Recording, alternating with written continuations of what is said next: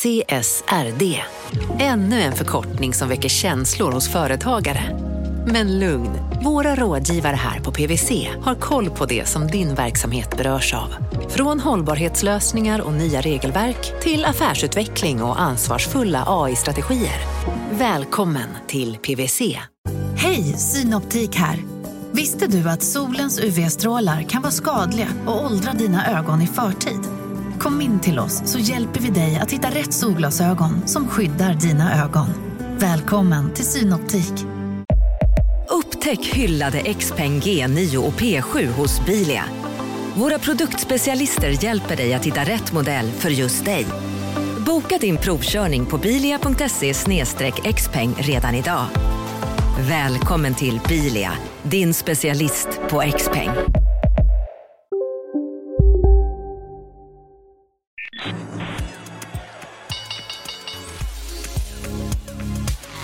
Här är Affärsvärlden Magasin med Helene Rådstein. Hej och hjärtligt välkomna till podden Affärsvärlden Magasin där vi varje måndag fördjupar oss i affärsvärldens journalistik. Jag heter Helene Rådstein och jag sitter här med Jon Hyltner, förvaltare av Enter småbolagsfond. Välkommen hit. Tack så mycket. Hur många innehav har ni? Eh, 45. 45. Mm. Och du letar efter? Jag letar efter bolag med långsiktig vinsttillväxt till en vettig multipel. Ja, det låter bra. Mm. Ja.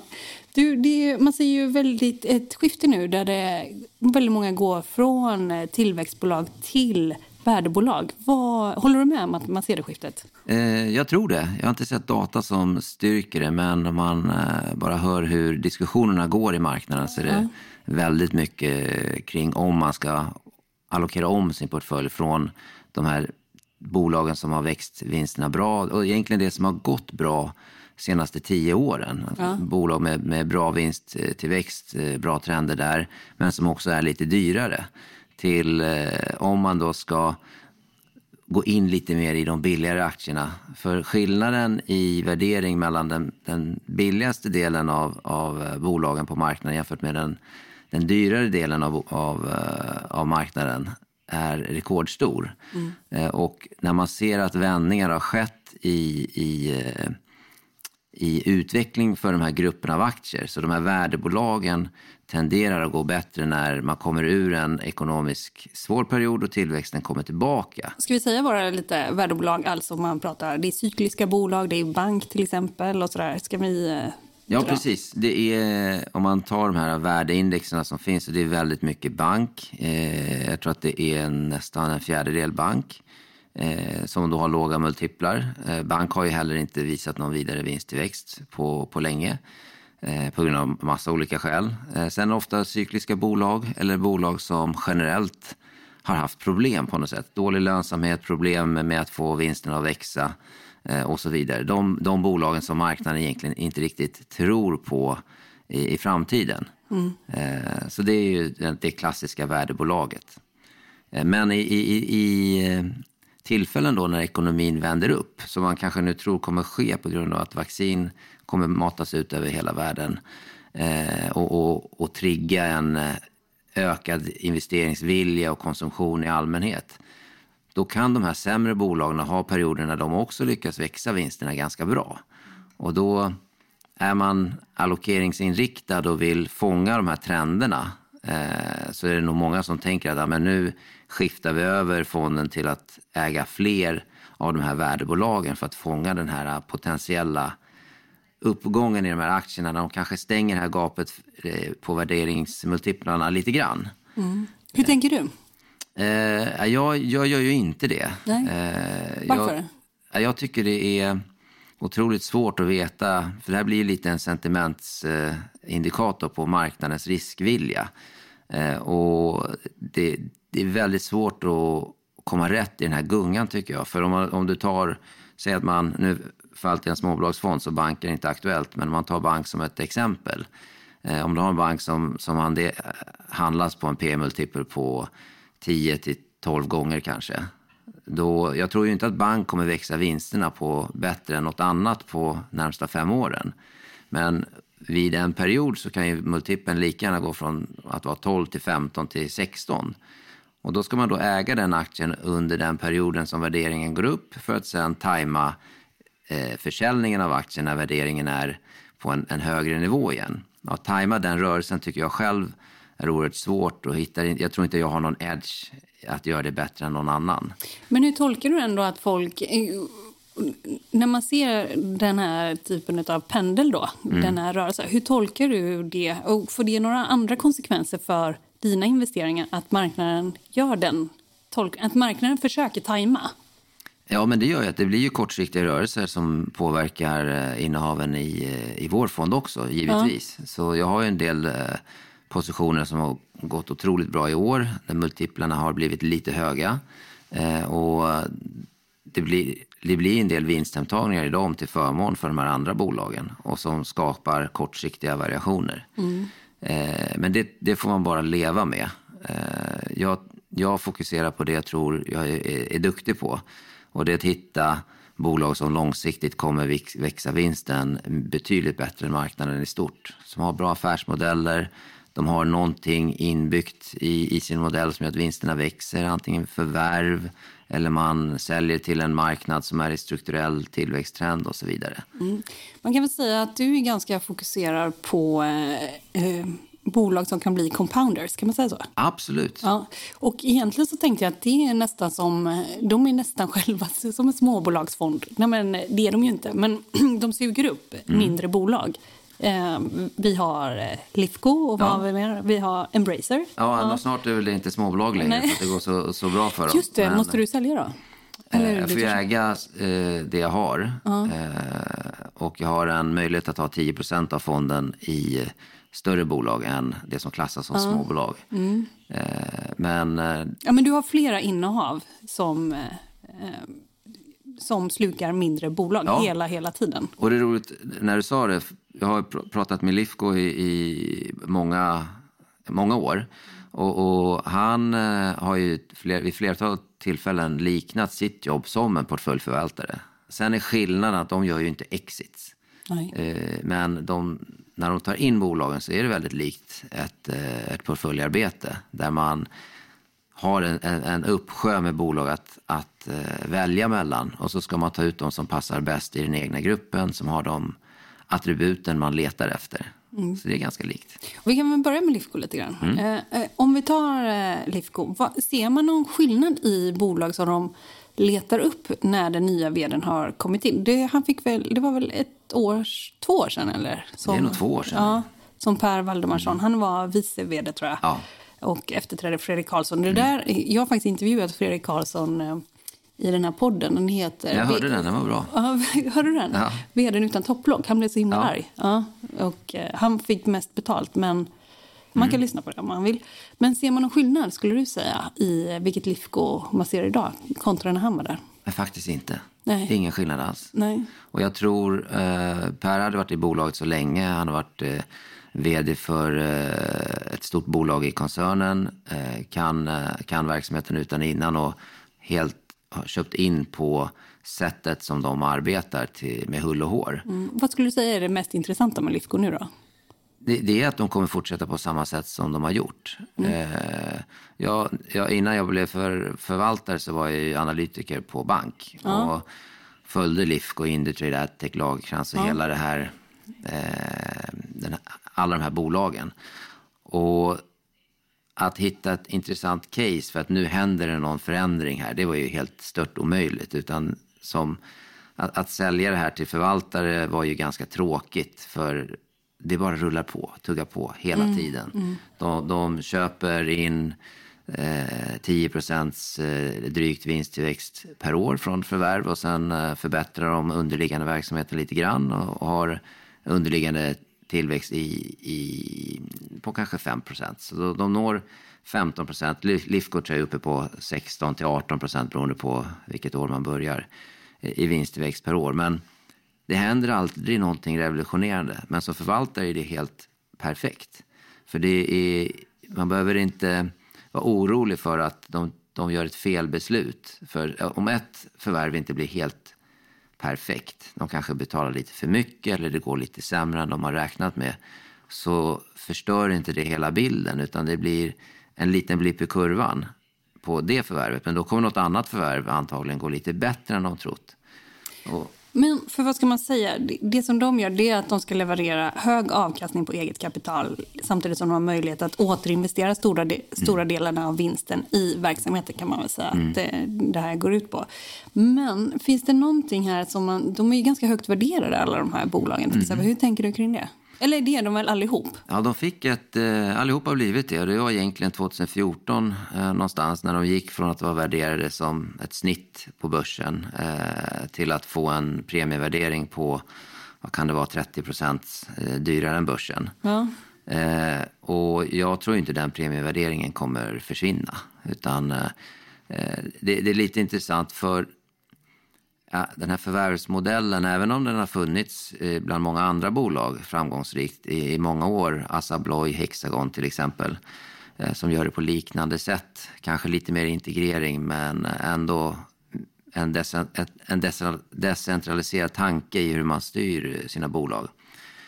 Så när jag var ute och reste i Europa och skulle presentera Lifco Indutrade till exempel för eh, europeiska investerare så var det När du var på Handelsbanken? när jag var på Handelsbanken. Ja.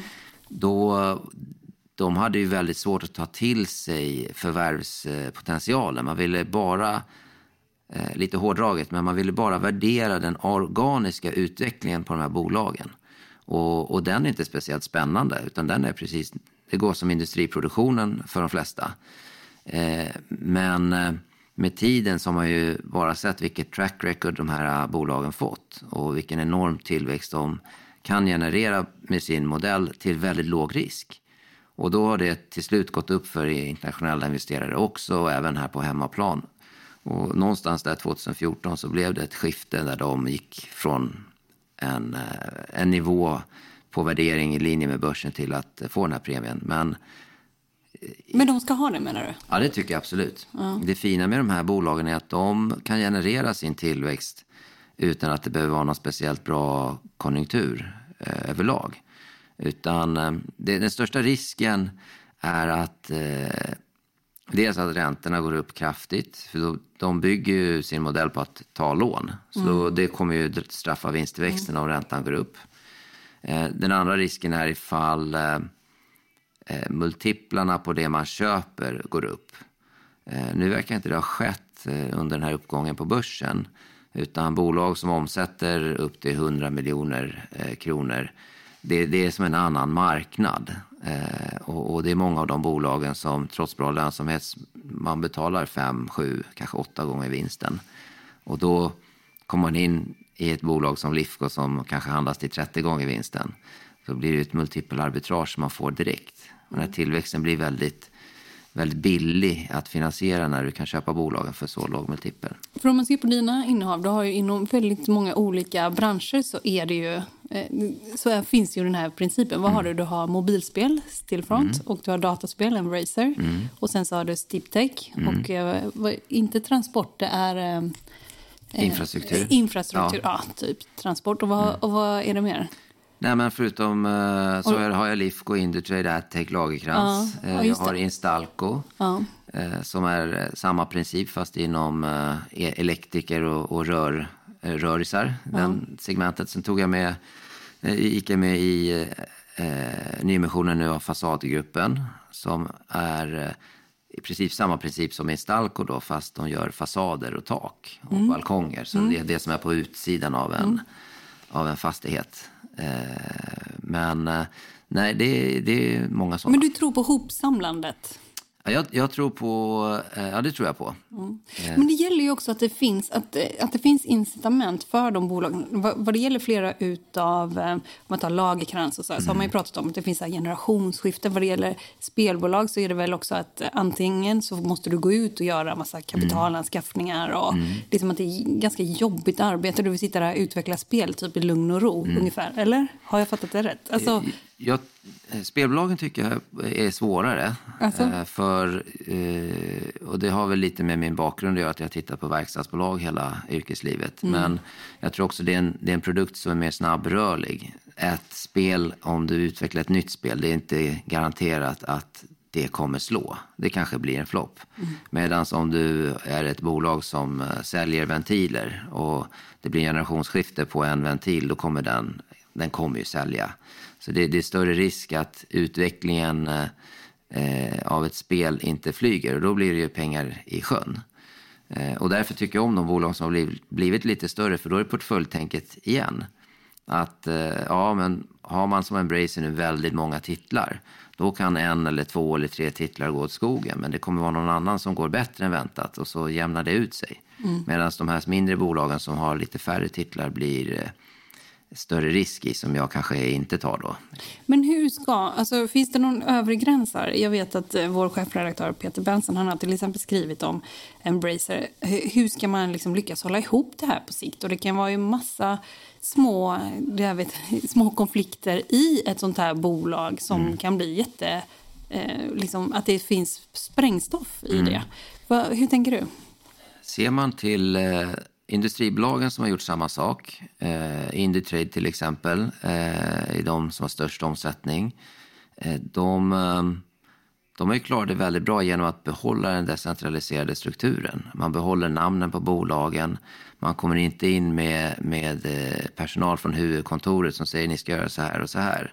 Utan det man gör är, man kommer med ett, antingen ett gemensamt rapporteringssystem eller en mall där bolagen får rapportera in den finansiella, de finansiella siffrorna. Så att huvudkontoret kan ha kontroll. Eh, sen där det finns, och sen kör ju alla en, en cash pool där så, så över, överskottslikviditet går in i koncernen som bäst allokerar det. Sen får man låna från koncernen så att finansieringen, där är en tydlig storriskfördel kan man säga. Eh, men så länge man låter eh, bolagen vara hyfsat oberoende, eh, man låter bolagen själva söka synergier med, med sina, eh, sina dotterbolagskompisar Eh, då tror jag att risken är ganska liten. Utan den stora risken det är när man kommer in från huvudkontoret och, och in och petar och vi tycker ni ska göra så här och ja, men ni får bara den här utvecklingsbudgeten. För då kan det skapas missnöje. Men jag tror att man kan växa de här grupperna till att bli riktigt stora om man bara behåller den strukturen. Att eh, det är väldigt tydligt att ja, nu har vi köpt ditt bolag men du får heta det du har hetat tidigare.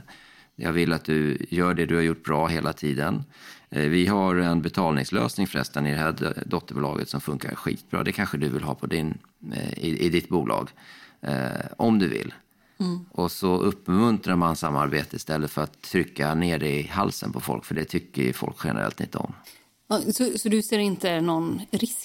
Liksom, Nej, jag, jag, tycker inte det är någon större risk. Snarare så Räntan är mycket större risk, menar du? Till exempel? För, ja, ja för, för, modellen? Ja, om man, eh, nu spelbolagen jobbar med mycket mindre eh, skuldsättning. Ja, så den är typ lägre ingen för dem. nästan i Embrace. Nej, men de tar in, de tar in cash till sina mm, förvärv mm. Eh, och gillar inte, gillar inte skuldsättning. Nej. Så där är ju faktiskt där är ju tillgången till kapital. Att kapitalmarknaden skulle stänga, det är ju den största risken.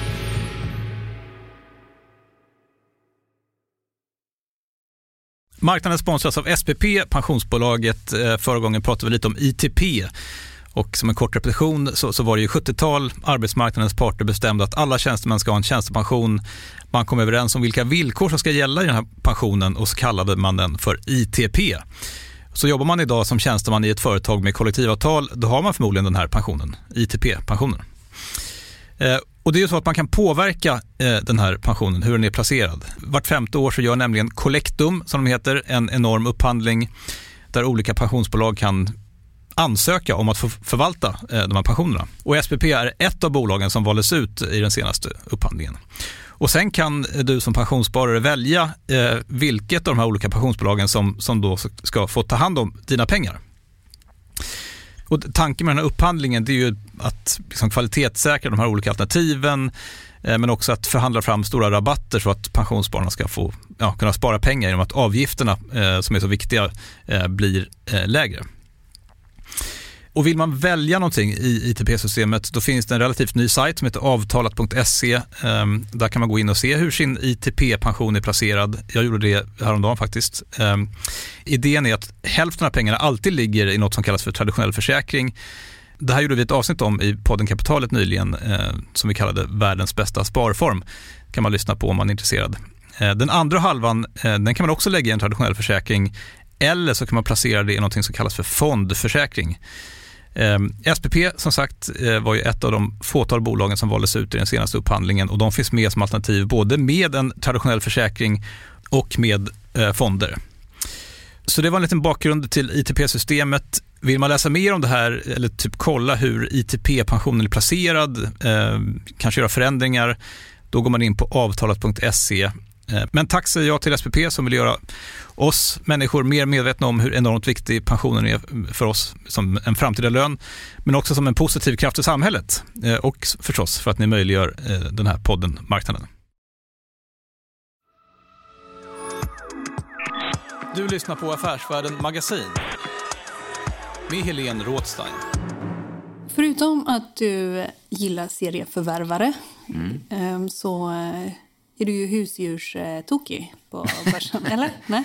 Eh, Lite? Ja, eh, tokig ska jag inte säga, men det är segment jag gillar. Sen finns det inte så många alternativ. Nej. Men vi har Swedencare och Musti ja. i fonden. Mm. Säg, varför? Eh, Swedencare, de har något, eh, vad, vad, heter den? den Pro, Prodent Plaque Off. Prodent Plaque Off. Ja, det är ja. alltså ett pulver som man ger till sin hund. Och då eh, utsöndrar det ett ämne i kroppen eh, som skapar en bra saliv som gör att det motverkar eh, plack och tandsten och sånt. Och man får bättre andedräkt som hund? Och bättre andedräkt också, också sägs det. Ja, sägs det. Ja, det, och, det är inte oviktigt när man har hund? Nej, men jag tror, men jag läste någonstans att 80 procent av alla hundar har eh, några former av eh, tandproblem. Mm. Och egentligen så ska man borsta tänderna på sina hundar. Men det läste någon annanstans att det är, vad är det, 10 procent av hundägarna som gör det. Mm. Vi har själv hund i familjen och vi, vi kommer aldrig borsta tänderna Nej, men, men har du använt det här?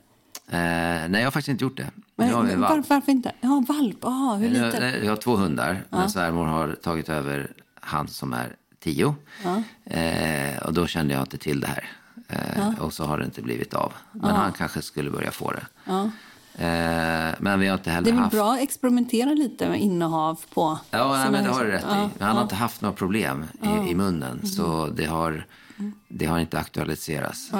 Men eh, det här patentet går ut. Eh, även om jag inte kommer ihåg vad det hette. Så kom ihåg att patentet går ut. Mm. Men samtidigt så har man fått en eh, kanal ut till massa veterinärkliniker. Ja. Eller hur? Så är det va? Det man har gjort är att eh, i år gjort tre stora förvärv ja. Eh, som har breddat hela bolagets eh, exponering. I USA? Eh, USA och Storbritannien. Ja. så man har kommit åt tror jag, 20 000 veterinärskliniker som täcker hela USA via två förvärv.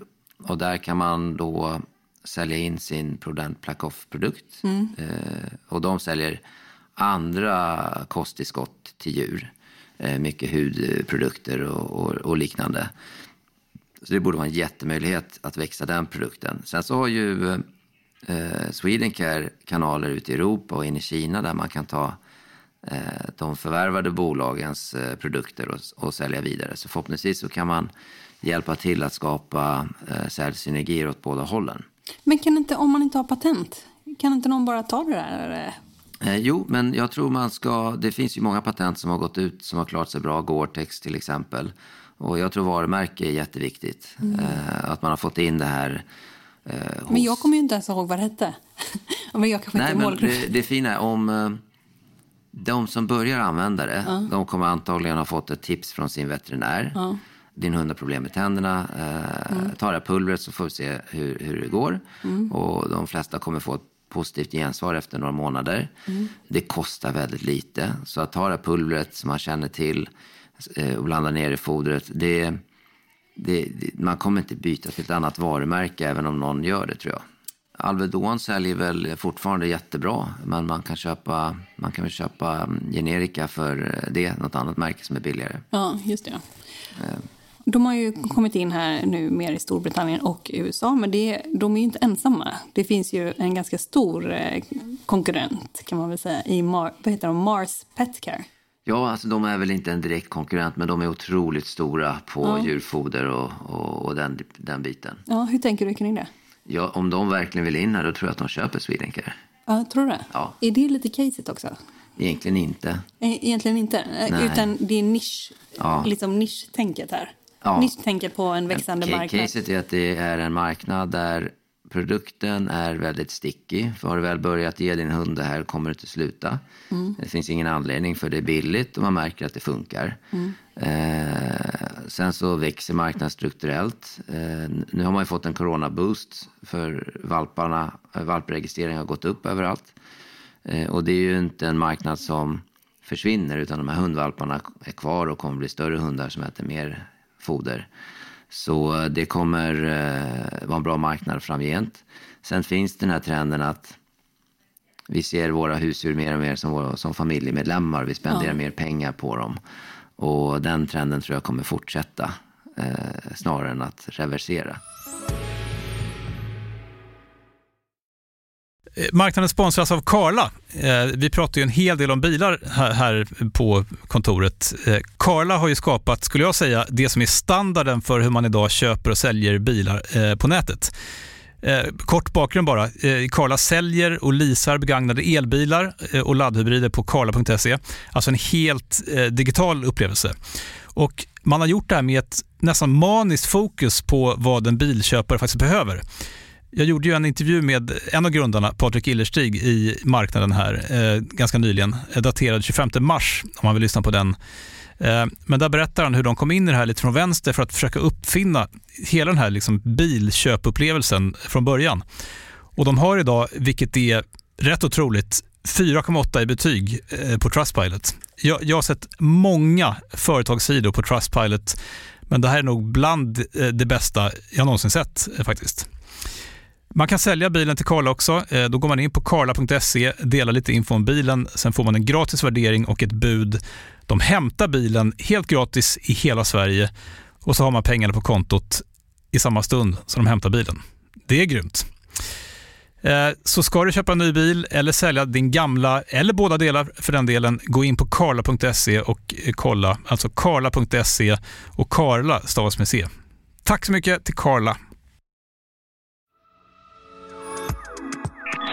Du lyssnar på Affärsvärlden Magasin med Helene Rådstein.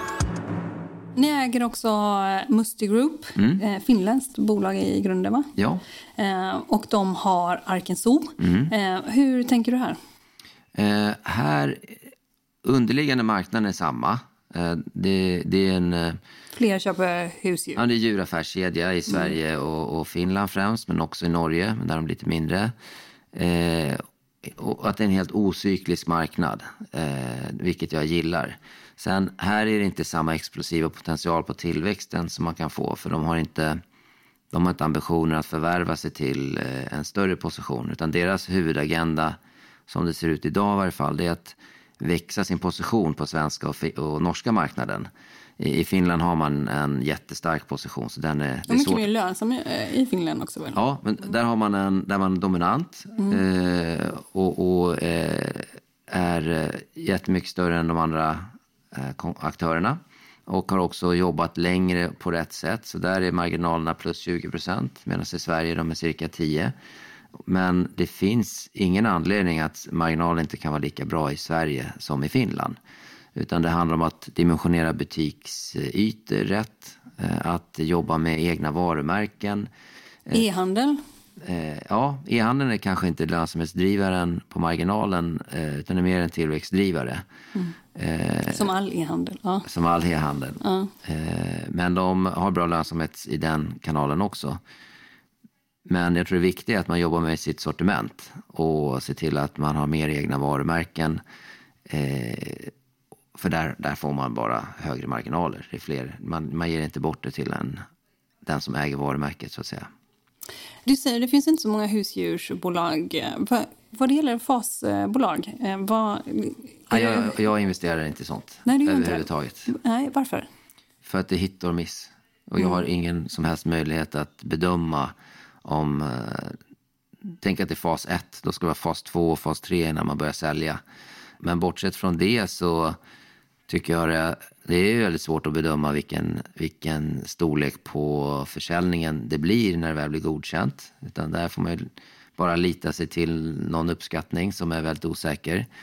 Sen de här bolagen är så otroligt fokuserade, med all rätt, på att få det här läkemedlet godkänt. Men det är inte alltid som de är så duktiga affärsmän eller kanske vet hur man säljer det. Nej. Och nå ut till marknaden sen. Nej. Ja, och- det, det, det vet man ju i branschen också själv. Eh, ja. det finns ju självmedvetenhet där. Ja. Och jag lägger otroligt stor vikt vid eh, hur en, en bolagsledning tänker på sin försäljning. Mm. Affärstänket. Och har man inte det, då flyger det inte. Nej. Stillfront då? Eh, Ja. Det har du kört. Det är lite samma take eh, där. Jag tycker en sak är ganska intressant. Jag ve- vet att en av dina sämre investeringar i livet, det är Apple va? Ja, Ja, de är ganska relevanta. Vi återkommer till det. De är ganska relevanta här för Stillfront kan man säga. Kan du förstå det här eh, man vill ta då från Apples sida så vill man ta en avgift för att eh, vara distributionskanal. Jag tycker man kan förstå att man vill ta en avgift. På... Eh, ja, jag förstår det också. Och sen, jag, jag, jag- jag ska säga så här, jag förstår båda sidor. För man kan tycka att de bara de gör ingenting förutom att ha den här plattformen som man eh, har sina appar på och, och säljer via.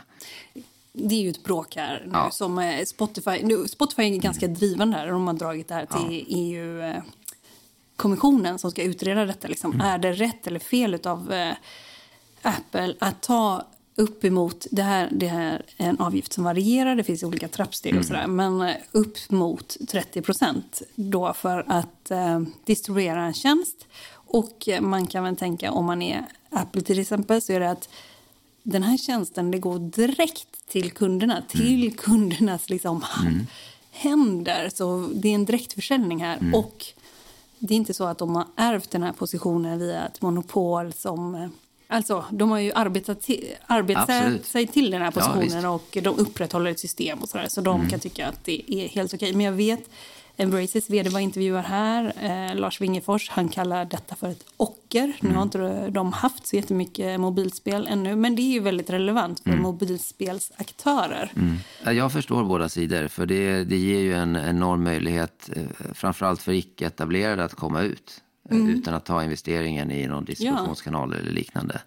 Sen är man etablerad själv så, så förstår jag det också. För då gör ju inte de här något mervärde förutom att de finns där. Nej. Eh, Men eh, nu kommer ju Apple med integritetskrav krav på all, i, i en ny version som är på gång. Där man måste highlighta för, eh, för användaren att din data kommer säljas eller kunna distribu- distribueras i marknadsföringssyfte. Eh, Något sånt. Och, och det kanske är en större risk för, eh, för de inom free to play-segmentet. Då. För de bygger mycket av sina eh, marknadsföringsinsatser på att få in data på vilken, vilken kundgrupp är relevant för det här spelet och så marknadsföra där. Och den datan skulle ju då Intressant. kanske bli sämre. Eh, så det, där får man se lite hur det, hur det utvecklar sig. Ja. Men vad säger du om Stillfront då? De har gått väldigt bra på börsen också i år. Ja, Som absolut. tusan va? Ja, sen har jag haft en, en svacka här sista tiden i den här sektorrotationen som har varit. Väl främst det. Här, de köper ju också mindre. Mm. Liksom, eh, de riktar in sig på, på mobilspel och sådär. Mm. Vad tror du om de här om fem år? Äger du dem fortfarande då? Antagligen. Ja, säg varför. Ja, de kanske är för stora. Ja, ja just det. ja, Just det, just det. För de åker ut, bolag åker ut från småbolagsfond. Eh, Hur stora ska de vara då? Idag är, tror jag gränsen är, det går ju baserat på en procentsats av totala börsvärdet. Ja, idag 1,25 eller vad det? Ja, och idag ligger den gränsen på cirka 75 miljarder. Mm. Eh, Men eh, det beror på hur, hur de lyckas med sina förvärv och eh, de spelen de, de eh, köper. Sen Mm. handlar det också om vilken multipel det kommer landa på. Idag tycker jag inte det är utmanande alls. Eh, Men med tiden så kanske det blir för populärt och för hög multipel för min smak helt enkelt. Så det, det är väldigt svårt att säga om de är kvar om fem år eller inte. Vil, vilket eh, bolag har du eh, eh, har åkt ut från fonden i år? Inte för att de blivit eh, för högt värderat utan för att du inte tror på det längre. Det är ganska många som eh, jag har eh, bland eh, så kallade... Jag tog över fonden i september, och då, då set, september eh, 2019. Och, och då blir det ju... Det är mycket bedömningar av affärsmodeller mellan affärsmodeller. Eh, så, så en del bolag har bara tyckt att det blir nog inte så mycket bättre vinsttillväxt än marknaden som ett Elanders eller ett Momentum Group eh, som jag har sålt ut. Sen är det några bolag där eh, som haft lite förhoppningsstämpel som jag har sålt ut. Ett eh, Piezo Motor har jag inte kvar. Eh, så, men det, det är en ganska lång lista. Mm. Sedan du kom in som eh, ny förvaltare på Enter Småbolag, du hade varit på Sverige innan. Ja. ja. Eh, sen du kom in där så har du gjort om ganska mycket i fonden. Och eh, du har tagit eh, de här serieförvärvarna som vi pratar om, har du tagit in. Och du har också pytsat ut vissa bolag. Vil, vilka bolag var du ganska snabb med att plocka bort? Ja, jag satte en högre fokus på kvalitetsbolag. Så alla som bolag som inte gjorde vinst i princip eh, sålde ut. Och det var fyra stycken har jag för mig som, som var mer av förhoppningskaraktärsstuket. Eh, stuket. Eh, kan fortfarande bli jättebra investeringar eh, men lite binära utfall. De, de måste få det att flyga. För du är väldigt fokuserad på att det, det här ska vara vinst. Du är inte så att det där vinst kan komma och nu vi håller på att växa och marknaden ser bra ut och här finns det, det är inte din grej alls. Nej, jag vill ha vinst nu. Eh, Jag tycker det är... Det, det blir en mycket lättare bedömning att göra om, om affärsmodellen flyger eller inte. Jag tycker det, sen finns det vissa bolag som man ser har varit vinstdrivande och sen så satsar de massa på expansion. Så man, det går att se att underliggande är det här en, en eh, vinstmaskin. Men de lägger eh, pengarna på att expandera. Men ta Amazon som ett exempel som i många år var icke lönsamma. Men man kunde ändå se under ytan att det här är bra lönsamhet om de drar ner på takten. Sånt kan jag överväga. Eh, men det är ändå en svårare bedömning att se vilken lönsamhet är det här egentligen när det blir i, i ett normalläge och hur ska man värdera det då? Men varför är det så viktigt och har du alltid resonerat så? Ja, och det är... Jo, för ser man på lång sikt så är det vinsten som spelar roll. Om det växer försäljningen men inte har någon vinst, det blir inget bra. Det, det, Du, det är inte så att du har åkt på en läxa här liksom någon gång i... Eh, nej, egentligen inte. Den främsta läxan jag har åkt på, det är väl, eh, jag gjorde väl så många andra där runt, när var det då? 2001 eller något. Jag köpte Ericsson på någon form av dipp. Men den dippen tog aldrig slut. eh, med, med tesen att eh, ja, men nu kan det inte bli billigare. Men eh, lärdomen som jag, som jag fått under den tiden jag varit i marknaden är att eh, de här trenderna, man vet inte riktigt när de tar slut. Och ett bolag i en dålig fas med fallande vinster så dels är det svårt att bedöma när det tar slut, om det bara en blipp i kurvan eller om det de fa- facto är så att det här har varit ett kvalitetsbolag men det är inte det längre för konkurrensen är svårare eller deras produkt har blivit obsolet eh, och så vidare. Så det, det jag fokuserar på är, är de bolagen som har bra lönsamhet idag, gärna i en positiv lönsamhetstrend också. Så att man, man ser att senaste åren har faktiskt eh, lönsamheten gått upp. Och man blir ett bättre bolag. För ofta, Vad tittar du på? Eh, Nyckeltal här tittar du på? eh, jag, jag tittar mest på är, är rörelsemarginaler. Eh, och sen eh, ser jag hur... Eh, fritt- Och har du någon så här, det ska ligga över, det ska vara Nej. sju? Nej, du har. Nej. Nej. det beror på eh, bolag. Det beror på väldigt mycket kapitalbindning. Mm. Eh, om du, eh, rörelsekapitalet är ju det som du behöver för att driva verksamheten framåt. Mm. Eh, har du ett, ett bolag som får betalt från sina kunder på direkt och betalar sina leverantörer på 30 dagar eh, och sen behöver man inte ha något lager. Det kanske till och med är, är själva eh, leverantören, de som gör produkterna kanske håller lager också och skickar till kund. Då har du eh, ett negativt rörelsekapital vilket innebär att du får hela tiden in mer cash.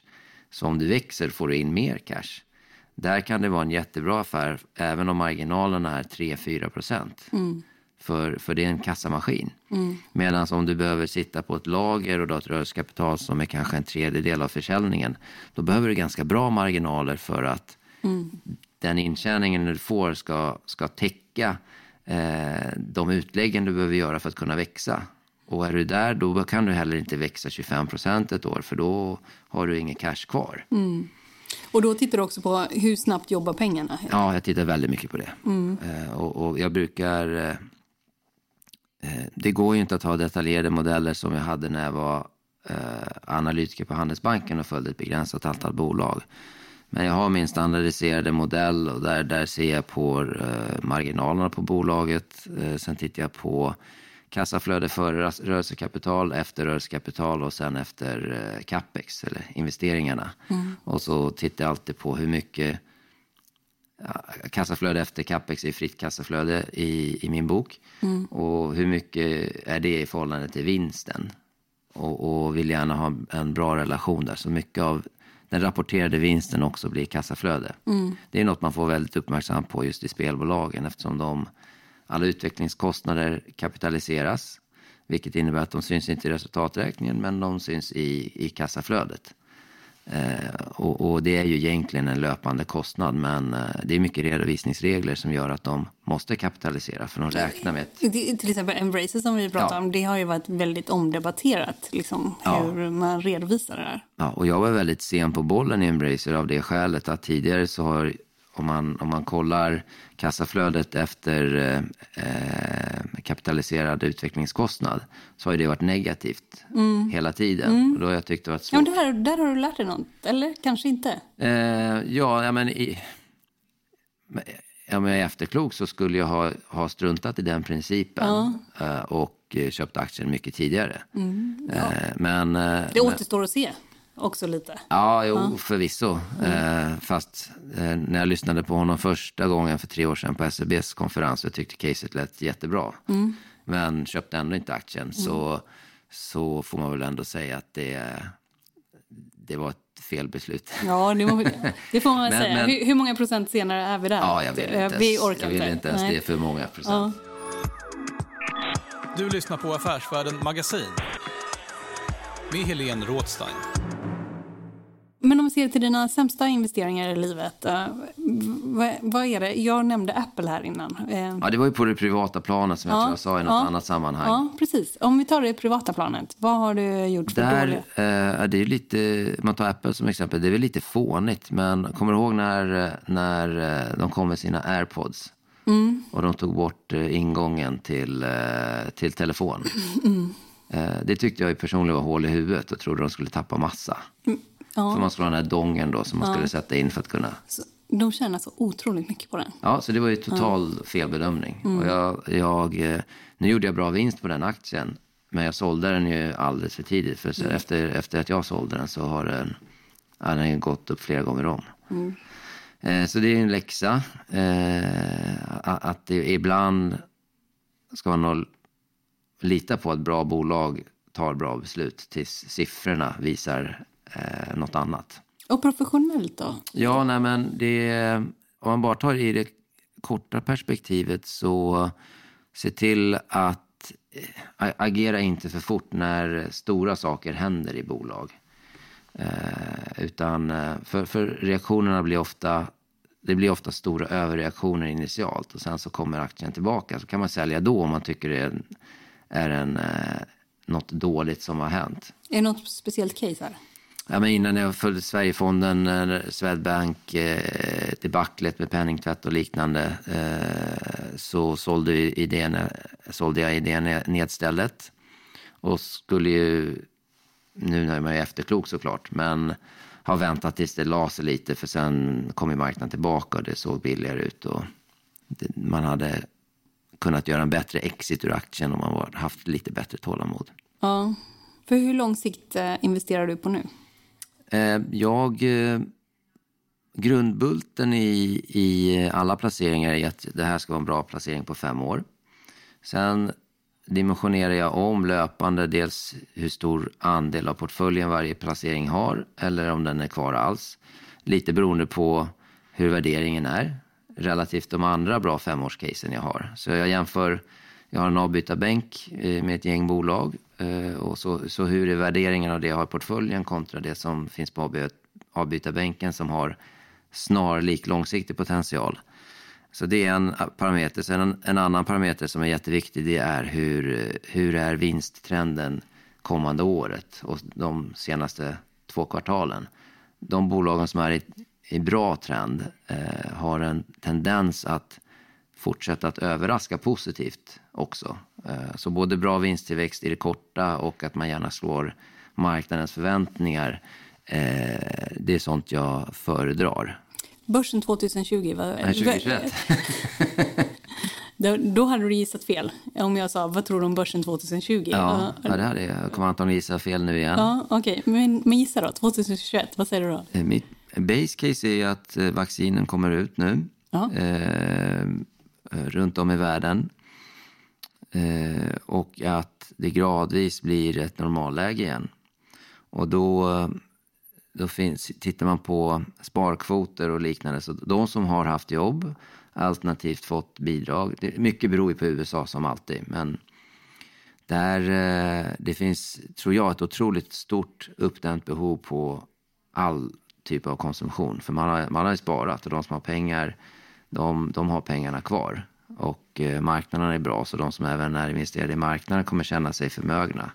Så, så fort man får börja röra sig fritt då tror jag det kommer bli en, eh, en eh, kraftig efterfrågeökning som är mycket högre än vad som ligger i de prognoserna som ligger idag. Du är positiv, ganska. Ja, jag är, jag är, Eller väldigt positiv. Ja, men det, det ska jag säga. Ja.